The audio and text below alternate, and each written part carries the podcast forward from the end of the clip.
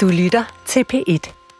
Milliarderne ruller ind i danske og udenlandske selskaber, men investorerne er alligevel nervøse for fremtiden.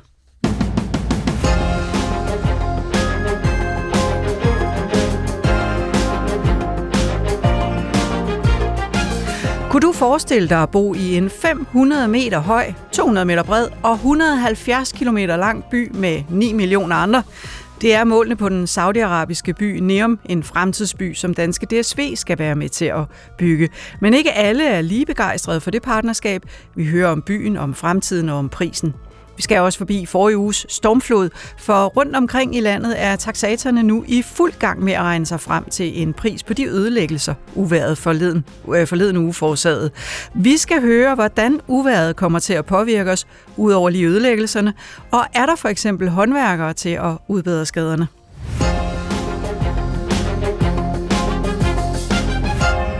Du lytter til Følg Pengene. Jeg hedder Mette Simonsen, og vi kaster i dag lys på den seneste uges vigtigste historier på, hvordan de kan påvirke dig og din økonomi. Med i studiet til at hjælpe mig har jeg Michael Friis Jørgensen, aktieanalysechef i Hos Andersen Capital.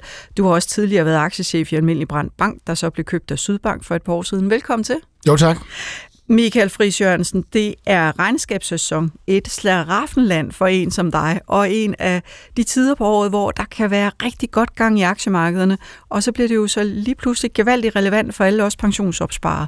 Så helt overordnet, hvad siger du egentlig til, hvordan det går? Jamen altså, det går egentlig meget godt. Øh, du har selv øh, sådan næsten indikeret i din indledning, at det er, vi er bange for, for fremtiden. Mm. Det har vi været i snart års tid, men der er ingen tvivl om, at kigger man sådan overordnet set på de regnskaber, vi har fået, vi er lige kommet i gang i Danmark, men Europa og USA har jo været i gang i et stykke tid, jamen så er det overordnet billede, at selskaberne tjener gode penge. Øh, desværre i Europa en lille tendens til, at vi sparer os til det. Så hvis du ligesom skal se det for dig og mig, så er det måske en indikation på, at selskaberne er begyndt at spænde uh, livremmen ind, ikke? Uh, mere end at, at de får, får omsætning med sig, eller toplinjen med. Ikke? Så fortsætter den tendens, jamen, så kan det her bumstærke aktiemarked selvfølgelig være en lille bitte smule i fare i Europa. De amerikanske selskaber, jamen, den amerikanske forbruger, han har jo ikke opdaget noget som helst, at der har været inflation, og der er krig, og olien stiger. Altså, han fortsætter han fyrer den bare. Han fyrer den af, og sådan har det jo egentlig altid været. Ikke? Altså, det 20. århundrede, det er meget betegnet, men amerikanske forbruger, hvor vi europæer, ah, du ved, øh, vi, vi er lidt mere forsigtige, ikke? Altså, du ved, vi vil egentlig godt have lidt mere opsparing, og amerikanerne er ligeglade. Du har de penge, så fyrer de dem af, ikke? Så der, kan, der er det jo både toplinjen og, og, og tingene, der, der, der driver det frem. Men vi har også set, at investorerne, når de har kigget på et regnskab, det var godt, og så var der et lille pip om, hvordan det skal se ud i det kommende kvartal, fordi alle sidder og kigger på, det kan ikke blive ved det her. Der er et eller andet, der skal knække, ikke? Altså, du ved, og alle sidder og leder ta- efter tegn på det, og derfor kan man ligesom sige, en glimrende regnskabssæson. Normalt burde det have givet dig som pensionsopsparer, eller som investor eller aktionær, okay, men det har simpelthen manglet, fordi investorerne har let efter det der lille pip, hvor de ligesom sagde... Og der er små pip i de Der er små pip, altså du mm. ved, der er små pip, det er der altid. Altså du ved, det er en usikker verden, vi er i, ikke? Altså renterne er ultra høje, vi har mere geopolitiske uro vi har, vi er en, en, en, en længe, ikke? Så, så selvfølgelig kan selskaberne ikke sige det her med sikkerhed. Og men, vi kommer men, til at tale meget mere om det her, men vi skal ja. altså også, fordi vi har jo mere godt selskab i studiet. Frank Hvid, økonomisk kommentator for politikken, mand bag ugebrevet Early Bird. Du har tidligere været både økonom og chefstrateg i investeringsbanken Alfred Berg, og investeringschef i Nordea og i Carnegie. Men altså altid noget med økonomi og investeringer og finanser. Velkommen til Følgepenge. Jo, tak skal du have. Du befandt dig faktisk, hvis vi lige laver et lille spring væk ja. fra alle de her regnskaber, du befandt dig faktisk i Sønderjylland øh, på Broager, vel nærmest der, hvor ja. det gik aller voldsomst for sig forleden uge, da stormfloden ramte. Hvordan var det egentlig? Ja, det er jo både skræmmende og fascinerende, når man ser øh, sådan naturens kræfter, og der er ikke så meget, man kan gøre. Jo, altså, der var jo selvfølgelig boligejere, der lå i de med huse lige ud til vandet, som selvfølgelig prøver at gøre alt, hvad de kan. Beredskabsstyrelsen øh, knoklede i døgndrift. Så det er jo både skræmmende og, og fascinerende, når man ser mm. noget, som sker meget, meget sjældent. Og jeg snakker med flere ældre mennesker dernede, som har boet i området i 50-60 år, siger, at de har aldrig oplevet noget lignende. Det var vandstandsstigninger på over to meter i det område der. Plus de her Plus og så bølge, ja. bølgerne, ja, det er ja. rigtigt. Bølgeindslagene. Så du også store ødelæggelser så efterfølgende? Ja, det, øh, der er, der er flere huse dernede, og der er et enkelt øh, berømt sted øh, dernede, hvor der er et hus helt ude af vandkanten, som øh, stod til salg for flere millioner, og det er vel fuldstændig udraderet. Øh, og så er der 200-300 sommerhuse nede i det, der hedder Vemmingbund, som blev oversvømmet, men også øh, ødelæggelser andre steder. Ja, mm. så det, var, det har været voldsomt for dem, der, der, der boede i det område der. Vi kommer tilbage til regningen for ødelæggelserne og hvordan naturkatastrofer kan påvirke hele økonomien senere i programmet. Men først så vender vi lige blikket mod den her strøm af regnskaber, som Michael Friis Jørgensen, som du allerede har været inde på, de vælter ind øh, her, øh, er væltet ind her den seneste uge. For de giver jo faktisk også et meget godt fingerpege om, hvordan det egentlig står til derude i verden. Bliver det en bløde landing, hvor vi får marginalt flere arbejdsløse, eller rammer vi håret, eller på gulvet, benhårdt, ja. med økonomisk smalhals og langt højere ledighed. Børsnoterede selskaber sender jo lige nu i stort tal deres regnskaber ud øh, for årets første ni måneder, både i USA og Europa. Så Michael Friis Jørgensen, kan man kalde det lidt et tivoli for dig, det her? Jamen, det er, det er et tivoli. Det er, jo, øh, det er jo et væld af informationer, også alt for mange, men, men sådan, sådan er livet jo. Altså, hvis vi har noget, så får vi som regel for meget af det. Jamen, det er det. Altså, og, og, og for ligesom at svare på de spørgsmål, hvis vi skal høre på selskaberne, jamen, så er det den her bløde landing, der ligesom ligger i korten. Ikke? Øh, men, mm. men, men lidt, lidt af problemet, det er, at jeg tror næsten, hvis du spørger en virksom, hver virksomhedsleder, så siger han, jeg er ikke makroøkonom. Jeg kan se tre måneder ud i, i, i, i fremtiden. Men kan makro økonomerne se længere end Nej, tre måneder? ikke for tiden Egentlig. faktisk. Øh, så, så, så det er det, der er lidt problemet. Og derfor er det jo også sådan, måske mere, hvad er det lige, investorerne vælger at lytte efter, end at der må, man skal tænke på de her kæmpemæssige signaler, der er i de her regnskaber. Men altså, der er indtjeningsvækst der, derude, ikke? Øh, og, og det er for første gang i rigtig, rigtig lang tid. Øh, så så det er det her med, at regnskaber er lidt bagudskuende, ikke? og det er nogle gange et problem, ikke? fordi vi investerer jo mere, hvad, hvad der ligger ude i, øh, i, i, i, i, i fremtiden. Men altså, det er lidt en, det er lidt en hård reaktion, du ved, så øh, de her, den her regnskabssæson har fået, og desværre skal vi jo nok finde forklaringen i, at, at, du ved, at, at renterne er stenen ganske voldsomt her på det seneste, og vi selvfølgelig har fået konflikter i Mellemøsten, der måske flytter det lidt fra, at konfliktzonen var i den europæiske baghave mm. til også den amerikanske baghave. Jeg ved godt, det er langt fra dem, men de er jo de er sådan rimelig afhængige af den her oliepris, som er det, man frygter, der jo virkelig kan gå galt. Ikke? Så, så det er her, man har rettet blikken, ikke? Og, og, og derfor kan man også ligesom sige, jeg vil super gerne have at sige til alle, der sidder og lytter med, at vi er frikant. Der kommer ikke den her nedtur her efter den her regnsæson, og det er også det, vi kan læse ud af regnskaberne. Men derfra så er det desværre til at sige, at det er sådan, jamen der ser man jo i hvert fald, hvordan tydeligt, at, at investorerne har, har reageret og siger, at vi er nok desværre ikke frikendt øh, på det her så samfundsøkonomerne eller makroøkonomerne, de kan, altså, der, det er fair nok, at de stadigvæk er lidt lidt utrygge ved, hvad der kommer til at ske, øh, hvis vi ser lidt mere end tre måneder frem. Jeg kunne godt tænke mig, fordi du sagde før vi gik i gang, at du skulle pløje dig igennem 600 regnskaber. Nå ja, altså det er jo cirka, men, hvad der er aflagt indtil nu ja, af, men, af øh, selskaber af de store brede. Ikke? Men, altså. men der må være nogle af regnskaberne, du går mere op i end andre. Så, så hvilke regnskaber har du har især sprunget dig i øjnene? Jamen altså, du ved, grunden til, at det springer meget mere i øjnene, og man skal følge med i det, det er jo den generelle følelse af aktiemarkedet. De er jo, der har man brug for de her ledere, altså, du ved, og det er jo især den amerikanske teknologisektor. Ikke? Altså, der er ingen tvivl om, at, at at det er dem, der, der ligesom har let året, og med let året, der mener at det er her, eller afkasten har været. Det er det, investorerne de kigger på. Det er her, investorerne de ligesom har taget en, har i hvert fald øh, lagt sig godt i selen og, og, og taget en god chance der, ikke? og det er også derfor, at det er dem, der ligesom er afgørende for den fremtidige øh, udvikling på, på aktiemarkedet, at de skal levere, ikke? og det har de sådan set gjort i, i rimelig udstrækning. Øh, vi begynder at se de første tendenser af den her kunstig intelligens, begynder at trække en lille bitte smule. Ikke voldsomt. Hvad mener men, du med, at du siger, at den trækker en lille smule? Jamen, den begynder at trække en lille bitte smule i væksten hos nogle af selskaberne. Ikke? Altså, vi har jo snakket om kunstig intelligens de sidste ni måneder. Ikke? På et eller andet tidspunkt. Men der er jo mange, der ikke rigtig finder ud af, hvad de skal stille op med den. Og det er der i den grad også stadigvæk. Altså, vi ser de første aftegninger i nogle af tech-regnskaberne på, at, at, du ved, at der begynder at være en lille bitte smule efterspørgsel efter det her. Men som du selv siger, virksomhederne ved ikke rigtigt. De vil super gerne investere i det, de ved bare ikke rigtigt, hvordan de skal gøre det nu. Men vi begynder at se den første tendens. Vi begynder at se, at, at teknologisektoren er jo meget trukken af enten virksomhedernes investering eller reklameindtægter. Og da forbrugerne har godt gang i, i tingene, og økonomien stadigvæk god, så er reklameindtægterne også. Så sådan overordnet set, jamen, så har de sådan set klaret sig godt, men vi må så også se, at der har været en tendens til, at, at det har heller ikke, det har ikke været nok desværre. Altså du ved, at investorerne har straffet mange af de her teknologiselskaber. Vi kommer tilbage til aktiekurserne lige om lidt, og hvad der er sket med dem. Frank, ved jeg godt tænke mig lige at høre dig. Altså, er, er der nogen særlige øh, af de regnskaber, der er blevet fremlagt indtil nu, hvor du har, har lagt særlig meget vægt på dem? Ja, der er nogle af, der er nogle af de mest forbrugertunge øh, selskaber, ja. hvor vi faktisk godt kan høre, at øh, de siger, det, de kan godt se, at forbrugerne øh, i hvert fald nogle forbrugergrupper, er, er presset. Og det gør jo, at man er en lille smule øh, nervøs for, hvad kan det betyde øh, i fjerde kvartal og i første kvartal, anden kvartal næste år.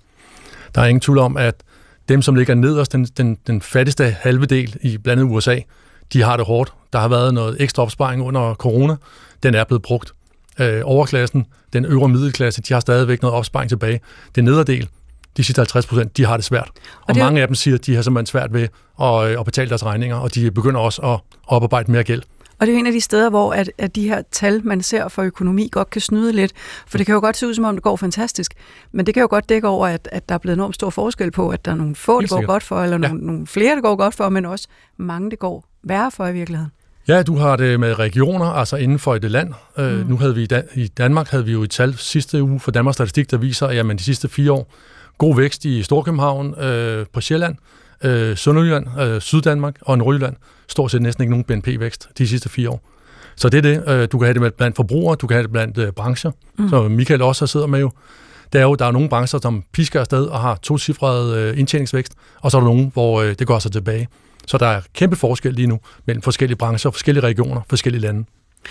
Så lad os lige vende os om og kigge på de her aktiekurser. Øh, fordi jeg sad sådan for sjov her fredag, og så her til tidligt i morges, og kiggede lidt på, hvordan går det egentlig i de her store aktie, ledende aktieindeks. Og det, det findes der jo et af, eller flere af for hver eneste land, vi, vi kigger på. Der er OMX C25 herhjemme, der er S&P øh, i USA, der er også Nasdaq i USA, og så kiggede jeg også på Russell 2000, som jeg synes er lidt interessant. Det er et indeks, der består udelukkende af mindre amerikanske selskaber øh, netop for at få den her lidt mere alsidighed i, hvad er det egentlig, vi ser på her. Så er der jo både i Tyskland er der DAX, i England er der FTSE, og så er der Nikkei 225 i Japan, Hang Seng i Hongkong og Shanghai Composite i Kina. Og det er ikke, fordi vi skal igennem dem alle sammen. Men øh, det er bare for at illustrere, der findes så nogle aktieindeks alle mulige steder. Når man ser på dem, og ser på, hvordan det er gået i år, så er der jo flere steder, hvor det går virkelig godt. Altså, Nasdaq ligger op 30,5 procent siden nytår, øh, og Nikkei i Japan ligger op 19 procent siden nytår. Men hvis man ser på, hvordan det er gået den sidste måned, så står der bare ned, ned, ned, ned, ned, og så er det fladt i, i, i Hongkong og ned i Kina. Altså, hvad er det lige, der sker i den her, den her seneste måned? Jamen altså, hvor kedeligt det end kan lyde, så er det jo det her, du som boligejer også kan læse om hver dag, at renterne stiger. Ikke? Og, og når renterne stiger, jamen, så, så er der bare noget, der er mere attraktivt end, end aktier. Du ved, jo højere renter der er, jo mere attraktivt er det ligesom at, at ligge bare og, og slappe af over i nogle obligationer. Ikke? Altså, det er den ene faktor. Den anden faktor er utvivlsomt øh, konflikten nede i Mellemøsten og, og, og, og frygten for, at det skal eskalere. Øh, og hvordan det kan eskalere, ikke? Hvis, hvis du kan sige, at der er mange andre, der bliver inddraget i den her konflikt, som er olieproducerende lande. Ikke? Så det er nok, øh, det er nok hovedforklaringen. Og så kan man også ligesom sige, at det er rigtig nok, at har været stærk nok, men, men der er nogle af de forbrugerdrevne selskaber, som har været meget forsigtige i deres, deres udsagn. Ikke? Så, så der, der kan man også... Øh, Hvad kan det være for nogle selskaber, for eksempel? Er det sådan noget Walmart? Og, i, men nu begynder det faktisk at være lidt bredt. Altså, vi ja. er jo luksusvaresegment, hvor man ja. sagde, at vi kan bare hæve priserne. Jo mere vi hæver priserne, jo mere efterspørgsel er der. Nej, der var en grænse. Der var åbenbart en marginel middelklasse forbruger, der havde hoppet over i luksussegmentet. Og så er det øh, kan du ligesom sige, øh, den laveste, den laveste, dem der er rigtig eksponeret mod, mod, mod de fattigste øh, amerikanere, de begynder også at mærke det nu. Altså det er, som vi siger, pengereserverne, øh, hvad nu det hedder, øh, render ud, og det er blevet rigtig dyrt at låne penge, og de amerikanske banker er også blevet tvunget til at blive lidt mere forsigtige efter den her øh, bankkrise, vi havde. Så her begynder vi at se tegn. Så der, der er mange ting, der ligesom, jamen, det er den her sådan lidt perfekte storm, der ligger her i, øh, i efteråret, øh, og sådan er der jo med de her storme, eller perfekte storm. Så der er mange ting, som ligesom gør, at man skal være nervøs. Og så den sidste faktor er jo, at det faktisk er gået meget godt i år, selvom du ved, at alting har humpet lidt afsted, ja. ikke? Så så muligvis skal vi lige øh, finde ud af, hvilket niveau vi skal have. Frank Ved, hvad, hvad siger den her udvikling i aktiekurserne egentlig om udviklingen i samfundsøkonomien? Øh, altså nogle gange er der jo en stærk sammenhæng mellem, hvad der sker i samfundet og hvad der sker på aktiemarkedet, og nogle gange så er der slet ikke nogen sammenhæng. Og, og hvad er, er der lige nu? Er, jamen, lige nu begynder der, at, synes jeg, at være en mere, at man får kigget på, hvordan, altså igen tilbage til det, du spurgte om før, der er ret stor forskel fra land til land, til region til region, øh, branche til branche, hvordan det går. Og der begynder man at mere delt op. Øh, og der har været også nogle meget store stigninger i nogle få store aktier, både i Europa Og det vi især i medierne har snakket meget om, det har været det store tech-aktier over i USA, som er drønet afsted, uden at indtjeningen helt er fuldt med. Og derfor kommer de jo med nogle rigtig flotte regnskaber, mange af de her sådan store tech-selskaber nu. Men investorerne siger så også, ja, men øh, I er jo også allerede steget 40-50. Ja, Nvidia, som er den mest kendte, er jo steget flere hundrede procent. Mm. Så vi har jo også løbet lidt i forvejen.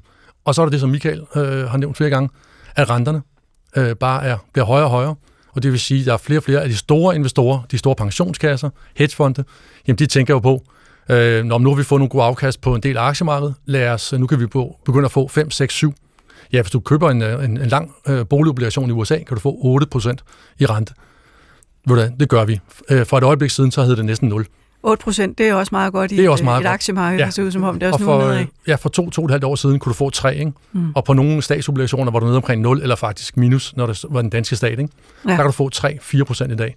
Så investorerne er i gang med at kigge på, hov, hvor mange penge har vi i aktierne, og skulle vi begynde at, at købe nogle flere obligationer, fordi det er altså blevet noget sjovere, øh, end det har været i de der 10 år, hvor vi lå nede med, med renter på 0.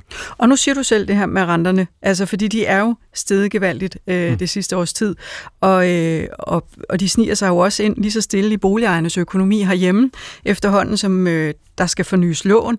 Og for eksempel, hvis du står lige nu med et øh, F3 eller et, 5, et øh, F5-lån, der øh, udløber, så kan din rente jo sådan set snige sig op fra under 0 til 3,7. Det er 4 procentpoint. Det er 40.000 mere om året per million, man skylder. Hvor hårdt kommer de her stigende renter egentlig til at sætte sig i økonomien? Fordi 40.000 per million, det må der være nogen, der virkelig kan, kan mærke. Det, hvis renterne bliver på det niveau her, et, et, et, at sige det næste års tid, så kommer det til at, at gøre rigtig, rigtig ondt. Det kommer til at gå ondt her i Danmark, men med forsinkelse, fordi der er jo en del, der stadig har fastforrentet, og så er der flekslånene, som sådan løbende bliver, bliver refinansieret. Vi kan allerede se det på Sverige.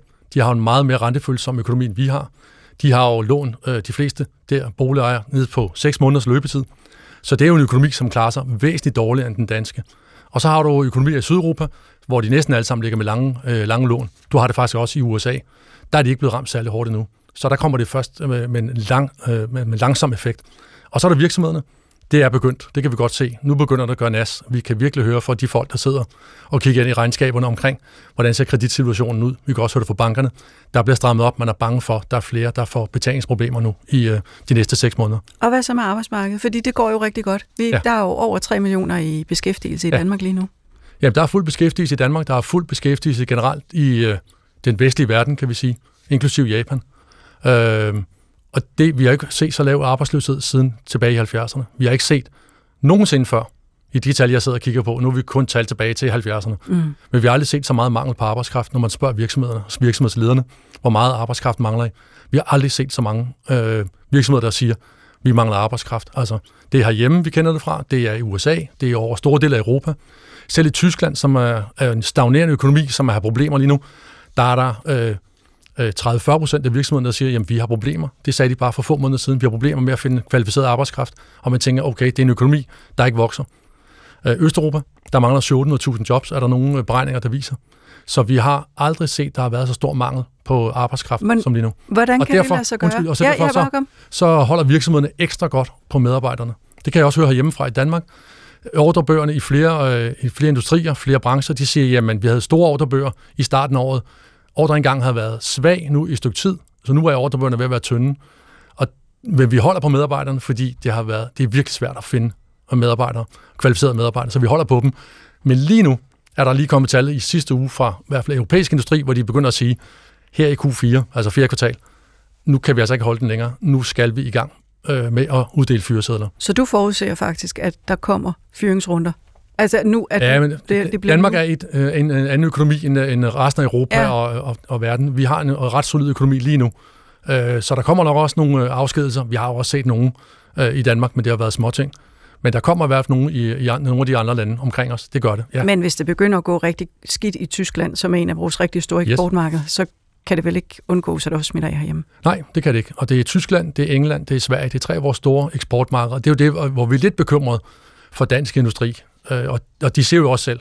Øh, ja, det går godt for Novo og vores medicinalbranche, men rens lige de tal ud, så har vi altså rigtig mange brancher hjemme, som er ved at være presset. Ikke? Ja. Ja. Det, er det, vi, det har vi også talt om nogle gange her i programmet, ikke? At, Præcis. at uden Novo, så ville det se lidt anderledes ud. Så havde vi en negativ øh, BNP-vækst, altså det største mål for, det bredeste mål for, hvordan det går herhjemme. Ikke? Ja, det er rigtigt. Prøv at, vi skal lige hurtigt forbi endnu et regnskab, som øh, fik en del opmærksomhed øh, her i øh, sidste uge. Det var nemlig transport- og logi- øh, logistikforretningen DSV. Der, øh, det blev faktisk til lidt af et kinderæg. For først så var de ude at oplyse, at deres nuværende direktør Jens Bjørn Andersen, han trækker stikket til september og bliver afløst af selskabets nuværende driftsdirektør Jens H. Lund. Så kom de med et regnskab, der så ok fornuftigt ud og indeholdt en mindre opjustering af forventningerne øh, til overskuddet i år mellem, til mellem 17,5 og 18 milliarder, øh, 18,5 milliarder kroner. Og så kom den tredje nyhed. Det blev til et øh, kontroversielt partnerskab med den saudiarabiske kronprins Mohammed bin Salman om hans futuristiske by Niam i det nordvestlige hjørne af landet. Michael Friis Jørgensen, vi skal tale om fremtidsbyen Niam om et øjeblik, men DSV er jo en af de selskaber, som har fået på puklen på aktiemarkedet. Hvorfor har de det? Jamen, det har de øh, nok to årsager. Et, øh, man begynder at se de her problemer, der kan opstå med hensyn til social responsibility, altså det, der så mange investorer kigger på, og jo også investerer efter, og skal investere Også efter. mange af de store pensionskasser. Mange store pensionskasser, ikke? Mm. Altså, du ved, det her, der hedder ESG, eller det der med, øh, man kan ikke være i aktier, som ikke har en høj øh, score, og frygten for, at, at nogle af de her investeringer kan medføre noget af, af, af, af, af det. Så det her, det, det er den første punkt, og det andet punkt, det er, at DSV over de sidste ja, 20 år måske har været den aktie, der har været aller, allerbedst at ligge i i Danmark, og det har de gjort, fordi at hver gang de skulle tjene en krone, så har de stort set ikke skulle investere en krone, altså det, der hedder en asset light, eller en meget aktiv let, øh, og det bryder de lidt med det her princip, ikke? med at skal ud og, investere en masse, før pengene kommer. Det har DSV aldrig gjort, ikke? Og nu så kombinerer det med et ledelseskifte, og så var aktietilbagekøbet lidt mindre, end de plejer. Uha, det er lige pludselig en ny type af virksomhed, ikke? Og når man så har været den her darling, i, der, har, der har levet på, at de sidste 20 år, der har man leveret hele tiden, ikke? Altså, De er er sindssygt gode til at fusionere. de eller er købe sindssygt gode til at fusionere andre selskaber. De er sindssygt gode til i det øjeblik, fordi man er en transportgigant. Altså, du ved, økonomien er jo ret væsentlig. Men ganske kort tid efter økonomien er gået lidt ned i gear, så er de tilbage igen, fordi de sørger for at få skæret til. Og lige pludselig så piller investorerne for det billede på, på selskabet. Ikke? Øh, og det er, det er sådan noget, der sker en gang imellem. Det er sådan den helt store fortælling op i helikopteren omkring aktien. Og nu, nu, nu er der bare så mange tegn, der er bare bumpet ind, som du selv sagde her, på den korte bane. Og det, det er altså dyrt, når, når investorerne begynder at stille de her spørgsmålstegn. Og det er ligesom det, man har set i aktiekursen. Øh, mere end at man måske er begyndt at frygte mere for, hvordan skal 2024 se ud, hvis mm. økonomierne skal nedad. Så det er sådan en meget isoleret hændelse, hvor man ligesom kan sige, at det er det der, folk kigger på lidt andre øjne på den her aktie. Vi må se, om de får ret, men, men det er ligesom det, der er sket. Vi øh, skal videre til Neum.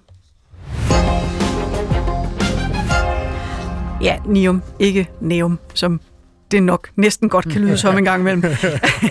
Du lytter til Følpengene. Vi skal en tur til Saudi-Arabien, til den nordvestlige del på kanten af ørkenen og det Røde Hav. Det er nemlig der, den saudiske kronprins Mohammed bin Salmans ekstravagante byggeri af en fremtidsby ligger. Niam, made to change, som de selv kalder den, for hvad er det egentlig for et projekt, DSV har kastet sig ud i? Salgsmaterialet til byen er ikke mindre end imponerende. Flotte videoproduktioner, dyrt og eksklusivt, og folkene bag siger selv, at de skaber fremtiden for menneskeheden. Intet mindre. Så ja, hvad skal jeg sige? Jeg blev faktisk lidt nysgerrig på det her projekt, må jeg sige. Og Brian Brormann Jensen, arkitekt med en Ph.D. i urbanisme og underviser på det Kongelige Akademis masteruddannelse i strategisk byplanlægning, med fra vores studie i Aarhus. Velkommen til Følpengene. Tak skal du have med det. Du kommer vist til at kalde mig Brian, og det kan jeg godt samtidig være, men jeg hedder Ej, Boris. Det gør ikke. Undskyld, jamen det ved jeg da godt, du hedder Boris. Men jeg vil godt påtage mig rollen resten af udsendelsen. Jeg prøver at kalde dig Boris hver gang fra er nu af, okay, det lover yes. jeg dig. Beklager. Det her, det er jo et projekt, som er fyldt med paradoxer, men hvad vil du egentlig kalde? Er det en by? Er det et samfund? Eller hvad er Niam egentlig, når det bliver bygget færdigt selvfølgelig? Øh, det er svært at sige, fordi jeg synes, at paradoxerne gør det meget svært egentlig at, at præcis at finde ud af, hvad, hvad, hvad man har gang i. Men, men i udgangspunktet er det jo ledet af en større national bestræbelse på at omstille den saudiske økonomi fra at være 100% eller mere eller mindre 100% baseret på, på eksport af, af olie og, og øh, fossile brændstoffer, til at have en mere øh, diversificeret, øh, forskelligartet økonomi, som hvad skal man sige, man kan tage med ind i en fremtid, hvor vi ikke længere kan brænde CO2 af på, på samme måde, eller sende CO2 af øh, ud i atmosfæren på samme måde, som vi har gjort hidtil. Og lad os lige prøve at få et overblik over, hvad NIOM egentlig ja. skal bestå af, fordi øh, der skal bo 9 millioner mennesker, den skal bestå af fem dele. Øh, altså, der er det, der hedder Sindala, som er en luksusø i det røde hav, øh, hav med golf og dykning og dyr og jagt. Så er der, jeg ved ikke, om man kalder det tro, Trojana eller Trojana i bjergene med sne og skiløb. Så er der Oxagon, en flydende bydel, der skal gentænke den traditionelle industrielle model. Det skal være grønt, og det skal handle om nye teknologier og nytænke hele logistikken. Så der lager en slags refugium i bjergene, hvor der skal være plads til wellness og fordybelse. Og så er der The Line, som yes. nok er den, vi kommer til at tale ja. mest om. Ja. 170 km lang, 200 meter bred, 500 meter høj, og som jeg forstår det med boliger, butikker, skoler og alt muligt andet til langt hovedparten af de 9 millioner indbyggere. Ja, så hvis, hvis det her fantastiske salgsmateriale, som jeg også har haft lejlighed til at sidde og kigge på, øh, øh skal tages for troende, så, så er der jo tale om et verdenshistorisk bedrift, ikke? altså en, en 170 km lang og en halv kilometer høj by, øh, som tæsker igennem ørkenen, er jo ikke set øh, øh, før i verdenshistorien, og er i sig selv, hvad skal man sige, spektakulært, alene bare som, som reklamestunt. Og spørgsmålet er så, øh, om, om man kan tage visionerne alvorligt, og, og hvad konsekvenserne er, hvis man gør det. Øh, ja. man, kan, man kan sige, at, at uh, ideen om en lineær by er jo langt fra ny. Altså, øh, det var faktisk i slutningen af 1800-tallet, en spansk arkitekt for første gang introducerede ideen om en lineær by. Hvor, hvorfor tænker man i lineære byer? Men det var man jo, fordi man allerede dengang, øh, og, og, og lidt senere i, i øh, første halvdel af det, af det 19. århundrede, var fascineret af, af den begyndende industrialisering og transportbåndet øh, og, og det industrielle produktionslogikers øh, hvad skal man sige, fysiske struktur, produktionsbåndet og transportbåndet blev en metafor for, hvordan det moderne samfund skulle udvikle sig, og at, at den her lineære produktionskapacitet kunne overføres på det industrielle samfund og blive en model for, hvordan vi i fremtiden skulle leve og producere sammen. Så det var tanken om, at vi alle sammen kunne bo og leve, som, som om vi boede på et samlebånd? Ja, med, med den metafor. Man kan sige, at den, den industrielle produktionsdynamik har jo været en, en underliggende metafor i, i mange af de modernistiske visioner og, og den tænkning, som har præget øh, dele af efterkrigstidens øh, planlægning af samfund. Så hvad skal man sige, ideen har reminiscenser tilbage i arkitekturhistorien øh, mere mm. end 100 år. Øh, og det samme har ideen om at bygge flydende byer. Så, så på den måde er der ikke er der ikke øh, noget nyt i det, og, og ideen om lineære byer var jo op at vende igen, øh, så sent som i, i midten af 60'erne, hvor to meget kendte amerikanske arkitekter, som øh, Øh, Øh, på det tidspunkt underviste på Princeton på østkysten i USA, også havde en, altså, seriøse planer om at lave en, en, en lineær by lidt efter samme forskrift, som dog kun skulle være 35 km, så en miniatyrversion øh, af det, vi ser i dag. Så man har taget en vild idé, og så har man ligesom Øh, skubbet den... Øh, Ganget den med fem. ja, en absurdum, kan man sige. Og det, det gør jo, at den er interessant at, at diskutere som, som arkitektur og som samfundsvision, men også øh, øh, i lyset af de paradoxer, som det her projekt virkelig kaster af sig. Kunne du selv forestille dig at bo i The Line? Ja, nej tak. Nej tak. Nej. Og, og hvad med jer her i studiet? Vil I, altså, er det et sted, hvor I kunne forestille jer, at det var der, I boede? Øh, nej tak. Jeg synes, de bare meget kort, de steder, der ligner lidt øh, sådan meget glas og Øh, jeg synes ikke, det er spændende steder at rejse hen.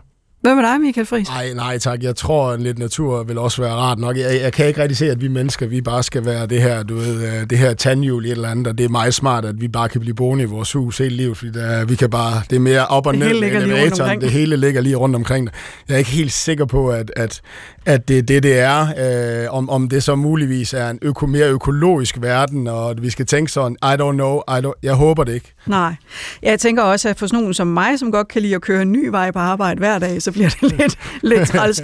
øhm, men, men boys, øhm, dit målet var jo at gøre Nium til grøn og bæredygtig ja. med sol- og vindenergi ja. for eksempel. Altså, at, giver det mening? Ja, men altså hvis man kigger på de der enormt flotte renderinger, som de hedder, billeder, som de har, de har lavet, øh, computerbilleder, de har lavet af, af byen, både indenfra og udefra, så kan man sige, så er den jo, den er jo blevet opgraderet fra at være øh, som udgangspunktet en, en industriel fantasi til også at, at tænke på øh, natur og nye typer af, af mobilitet. Så, så øh, hvad skal man sige, produktionsdelen af, af det, det her nye vidundersamfund er jo lagt ud af, af The Line og over i, i det andet projekt, som vi måske kunne tale om, øh, det der mm. Oxagon-projekt, den flyvende mm. industriby. Men det her, det er så primært beboelse og og øh, øh, sekundære og tertiære erhverv, som skal drive det her. Og, og på billederne øh, rummer den her by jo alt det, de ikke har øh, i den saudiske ørken. Øh, sidder og kigger på et billede her af sådan en vidunderlig, fugtig regnskov, øh, hvor, hvor der øh, næsten som på Wat kravler planter overalt på bygningen, og man ser sådan et, en blanding af, af den perfekte by og et vidunderligt paradisisk landskab. Det er sådan Babylons hængende haver-agtigt. Mm. Ja, altså de drømmer om alt det, de ikke har, kan man sige, ja. i, i det her projekt. Men lad mig lige høre, hvem er det, der skal bo i Niam? Jamen, de siger jo igen på det her salgsmateriale, at der skal bo 9 millioner mennesker. Øh, Men hvor skal de komme fra? Det er jo så det store spørgsmål, og jeg tror måske, at udviklerne af det her projekt har kigget en lidt, øh, lidt til, hvad man har arbejdet med i de forenede arabiske emirater, ikke så langt derfra, altså hvor for eksempel øh, især Dubai, men også til en vis grad Abu Dhabi, er lykkes med at tiltrække øh, en, en masse mennesker, som øh, kommer der ned for at øh, drive forretning og for at holde ferie og for at tage på kurser og seminarer og symposier og alt muligt andet. Men du sagde, da vi talte i telefon sammen den anden dag, der sagde du, det, det skal være internationalt. Altså, det skal ikke kun være sauder, der skal bo der. Nej, sådan forstår jeg det. Altså, det er et internationalt business community og en, og en international by, ligesom øh, Dubai og Abu Dhabi er det i dag, hvor selv med de sminkede tal, så er det jo under 10 procent af, af befolkningen i de her øh, bystater, som, er, som kan regnes for borgere af en eller anden slags. Så mm. det, det er jo ligesom fantasien om, om et nyt sådan globalt bysamfund, som er gået sammen i den her øh, ekstruderede det her,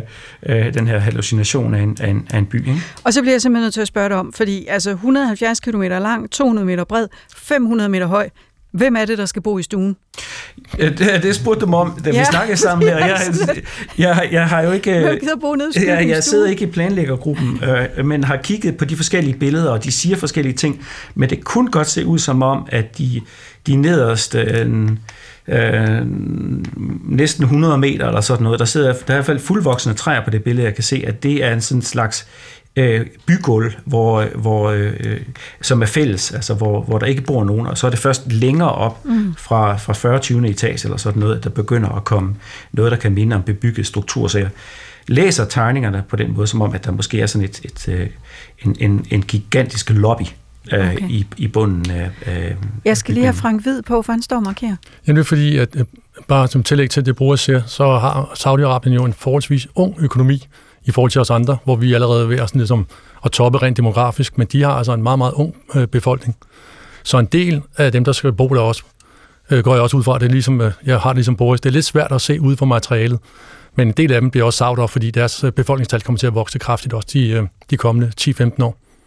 Jeg skal lige høre jer to, Frank Hvid og Michael Friis Jørgensen, fordi øh, vi var en lille smule inde på det før, men hvad kræver det egentlig overvejelser for et dansk selskab øh, at gå ind i et projekt som det her, Michael Friis Jørgensen. Nu er DSV der, men der er jo også øh, Bjarke Engels Group, øh, mm. BIG, Dansk Arkitektselskab, som også er involveret i det her projekt. Jamen altså, du, du kan jo allerede se, at der er et image-tab, ikke? Altså, vi har jo Saudi-Arabien, hvor vi ligesom har en dårlig historiefortælling omkring landet. Så har du jo, du har også... Øh, Udover dit image-problem, så har du den økonomiske risici, ikke? Altså nu hørte du selv her for Aarhus, han kaldte det lidt et fatamorgana, ikke? Bliver det her realiteten til noget, ikke? Kommer og kommer og kommer. Kan de tiltrække alle de investeringer, som er nødvendige? Fordi vi godt tror, at det at købe engelske fodboldklubber osv., at de har så mange penge. De har jo ikke i nærheden af at selv kan finansiere det her. Så det kræver jo også, at der kommer et kæmpe inflow af, af penge, og de satser nok lidt på, at at vi er ved at skabe modpolen til Vesten, så det er Kina og Rusland og hele det der, altså de vil lave den modpol, og det er der pengene skal komme fra. Men altså, jeg har svært ved at se dem få de her penge uden Vest. Så du har også en økonomisk det er risiko. 500 milliarder dollar øh, størrelsesorden, der, der har været nævnt som ja, beløb. Og, og det, det er sikkert ikke nok. Så, så det er jo genialt, hvis de lykkes med det her, for de får tiltrukket en masse teknologi, en masse viden. Det er jo deres, man kan ligesom sige, at vi skal til månen-projekt, som amerikanerne ligesom fik genstartet hele deres teknologiske bølge på.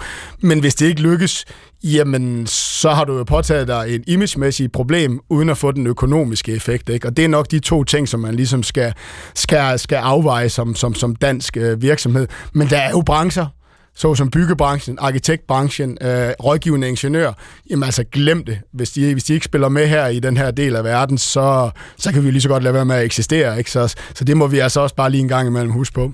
Det kunne jeg, Ja, Ja, det kunne jeg godt tænke mig at replicere på, fordi øh, i forhold til det med risikohåndtering, så kan man sige, at de elementer, som, som det her NIOM-projekt består af, så øh, er jeg enig om, at der er en, der er en, en stor risiko i det der Line-projekt, fordi det er så megalomant øh, og, og tvivlsomt på mange måder. Men de andre elementer, som, som planen her består af, nemlig en industriel havneby på, på, øh, på altså øh, i, i det røde hav ved, øh, ved, ved udmundingen af Akaba-bugten og Suezkanalen jo sådan set logistisk set er placeret meget smart. Der kommer jo rigtig mange skibe, de skriver i deres brochure, 13 procent af verdens handel sejler lige forbi. Så der er et eller andet hop der øh, på vej mod Asien og, og tilsvarende fra Asien mod Europa, som har, som har en logistisk betydning. Så risikoen i det der handels- og, og, og industriudviklingsprojekt, som øh, øh, The Oxagon er en del af, er måske næppe så problematisk som The Line. Men det, som gør hele projektet, også de her ski-resort i bjergene og, og det her badelandsparadis Sindala problematisk, er jo den kulturelle kontekst, det udfoldes i. Altså, vi har at gøre med et af verdens suveræn mest autoritære og brutale regimer, som, mm. som ligger i toppen af, af undertrykkelsesmekanismer i verden, altså kun overgået af, Nordkorea og Turkmenistan og andre øh, mærkelige steder i verden. Og det de så stiller sig op og siger, nu vil vi arbejde for naturen og livability, og nu vil vi skabe et kulturelt øh, frirum og udfoldelsessted for ferierende mennesker, er jo et gigantisk øh, øh, paradoks, når de mm. samtidig øh, øh, parterer øh, folk, som tillader sig i, i offentlige medier at kritisere øh, øh, det politiske styre, og der bliver udstedt dødsdomme for at ytre sig på Twitter. Ja. Så, så, så det, det, det peger virkelig i mange forskellige retninger.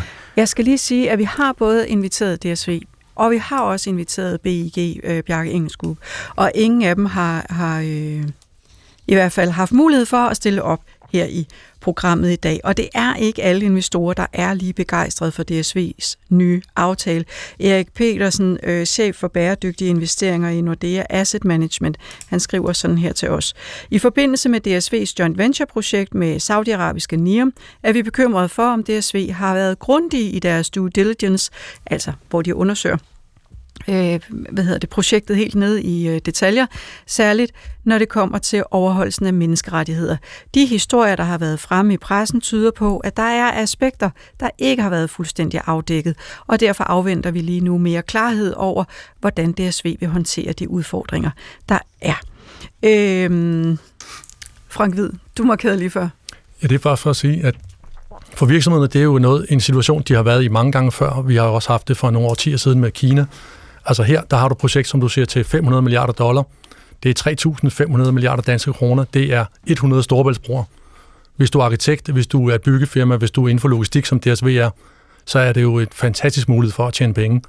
Det er den ene, og så er der jo en masse teknologiudvikling.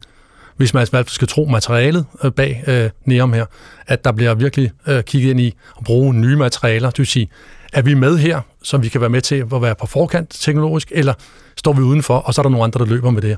Og alt det, der skal så vikles op mod det, som Michael var inde på, det er jo omdømme risikoen. Kommer der noget, som man siger i den vestlige verden, ej, det er altså ikke i orden at være med der.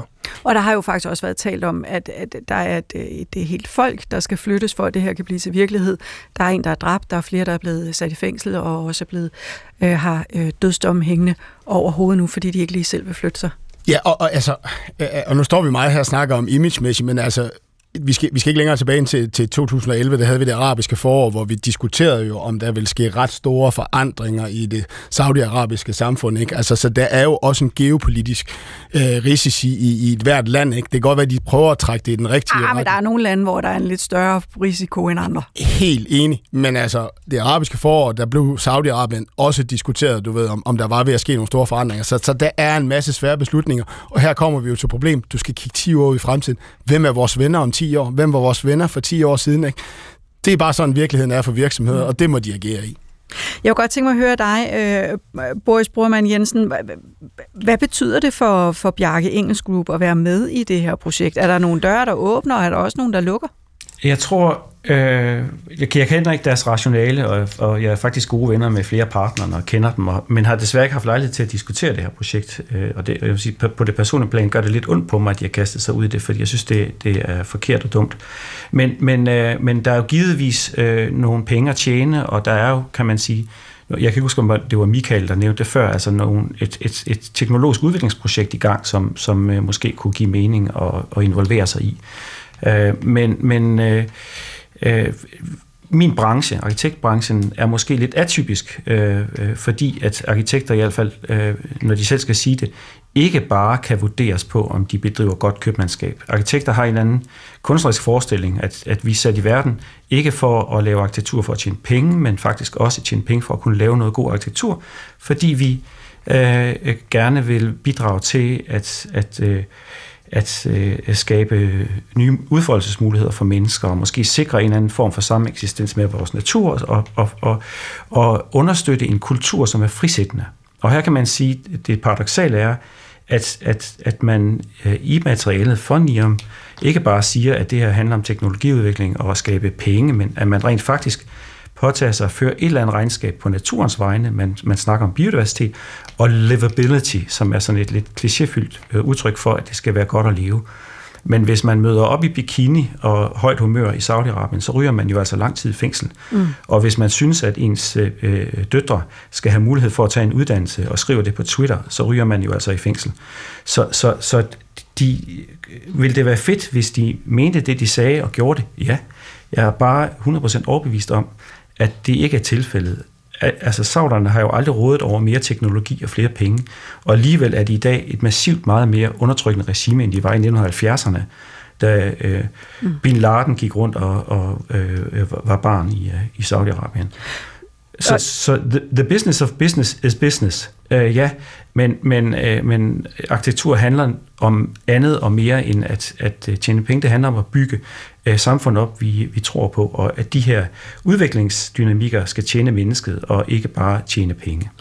Jeg vil også sige, at i Bjarke Engel Groups, øh, altså, hvad hedder det, ja, det i deres materiale om sig selv, der står der jo sådan set også, at de erklærer støtte til FN's 10 principper om et fælles universelt accepteret værdigrundlag for virksomheder, og der handler om menneskerettigheder, arbejdskraft, miljø og antikorruption.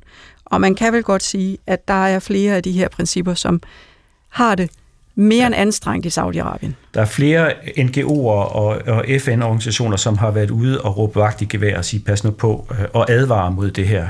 Øh, og en af de ledende folk, der var med i starten i advisory-gruppen, nemlig Norman Foster, trak sig jo efter, at øh, Jamal Khashoggi blev, øh, blev parteret i Istanbul af, af, af MBS og hans øh, øh legemorder-team. Men, men, men øh, der er jo også en EU-taksonomi nu i, i omløb fra øh, altså siden 1. januar, har de virksomheder i, i Europa og i Danmark, som påstår at arbejde med bæredygtighed og vil kalde sig grønne, nogle, nogle regler og principper, de skal overholde i den her EU-taksonomi. Og det ene hedder Do No Significant Harm, og her er man jo så i gang med at tvangsforflytte 20.000 mennesker og skyder dem, der stiller sig op og er talsmand for protesterne. Og tilsvarende så kan man sige, at, at de bæredygtighedsmæssige konsekvenser af det her projekt er jo enorme.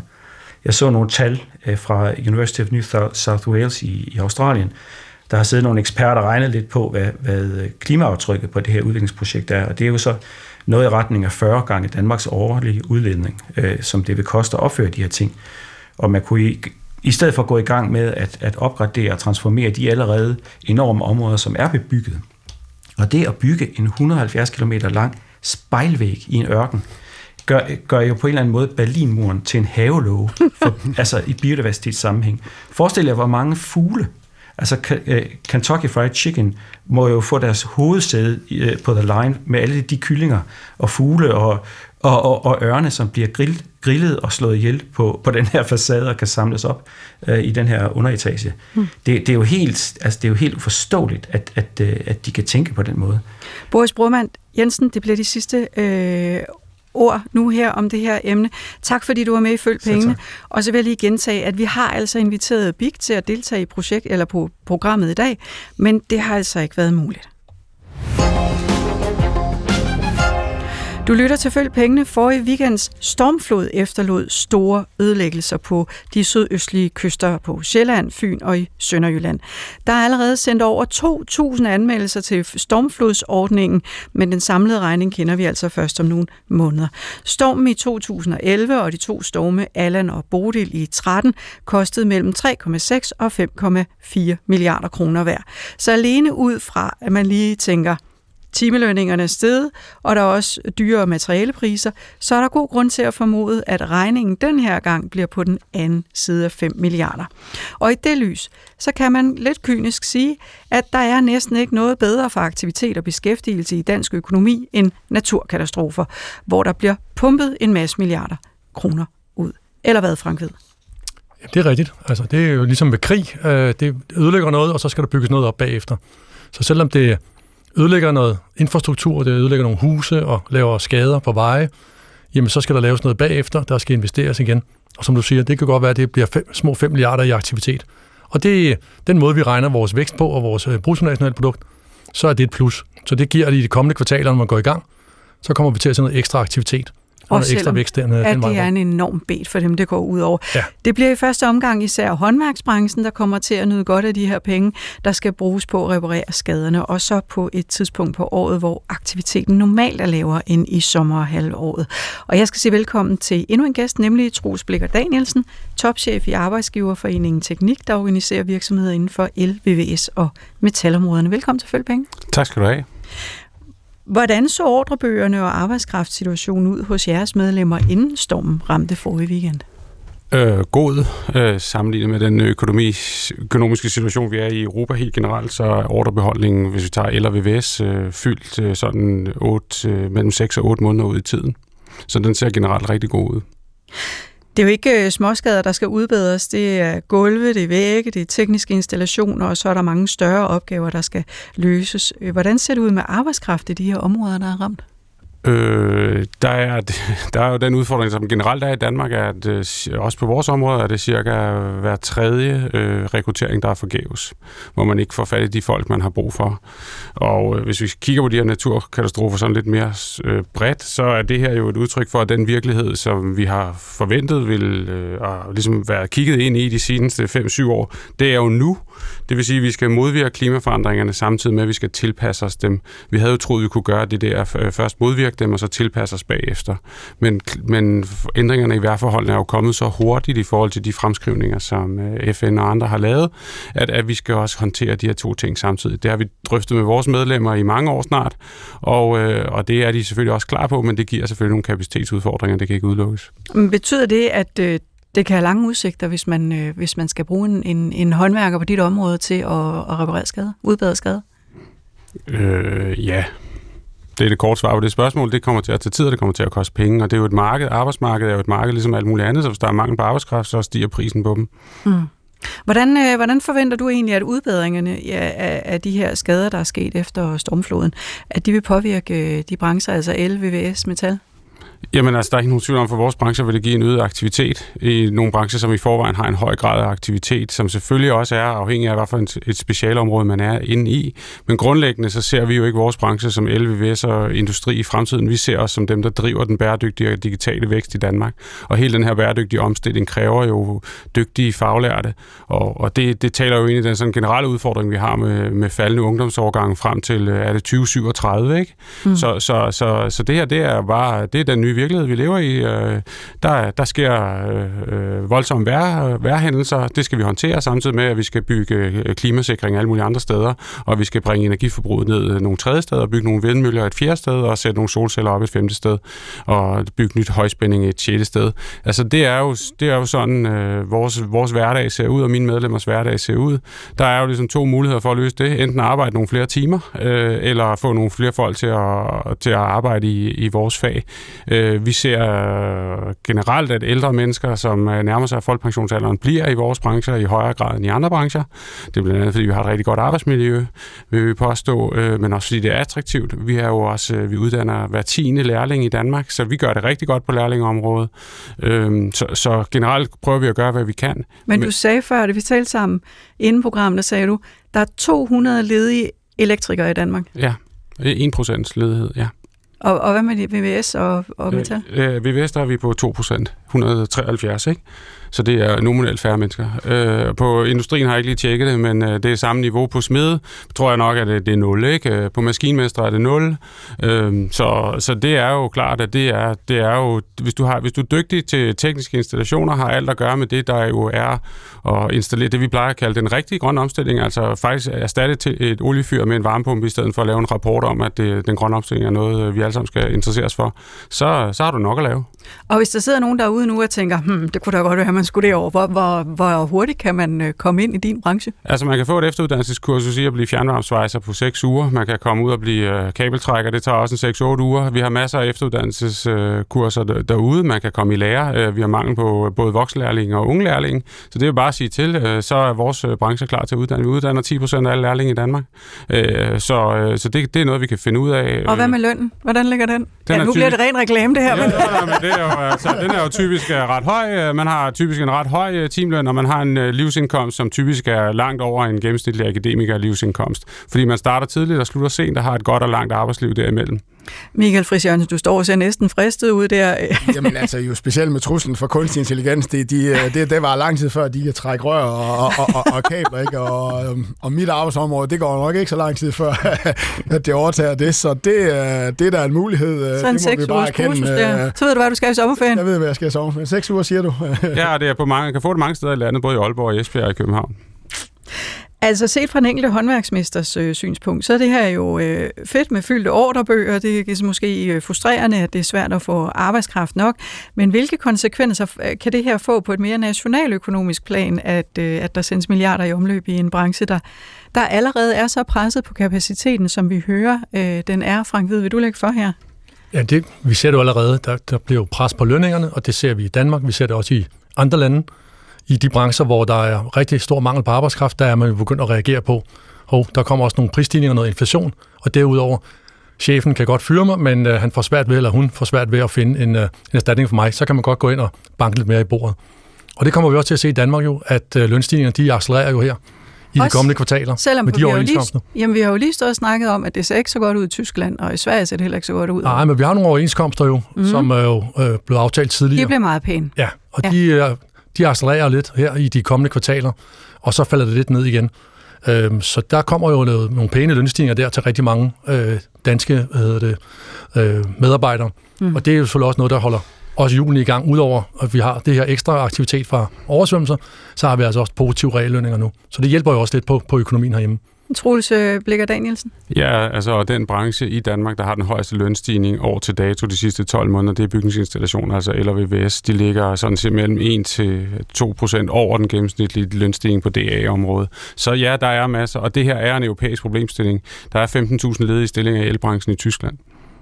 Så, så, øh, så man har også mulighed for at rejse ud af landet, hvis man... Ja, altså... men vi har, ikke vi har ikke mulighed for at tiltrække fra andre europæiske lande. Hvorfor? Det er jo, fordi der er, der er fuld de kapacitet. Ja. Altså, de skal jo også bygge solceller og vindmøller og elnet og alle de her ting i de andre EU-lande. Så, så, så det her er en europæisk, det er faktisk en global problemstilling, øh, for vi gør det, vi laver den grønne omstilling i hele verden samtidig.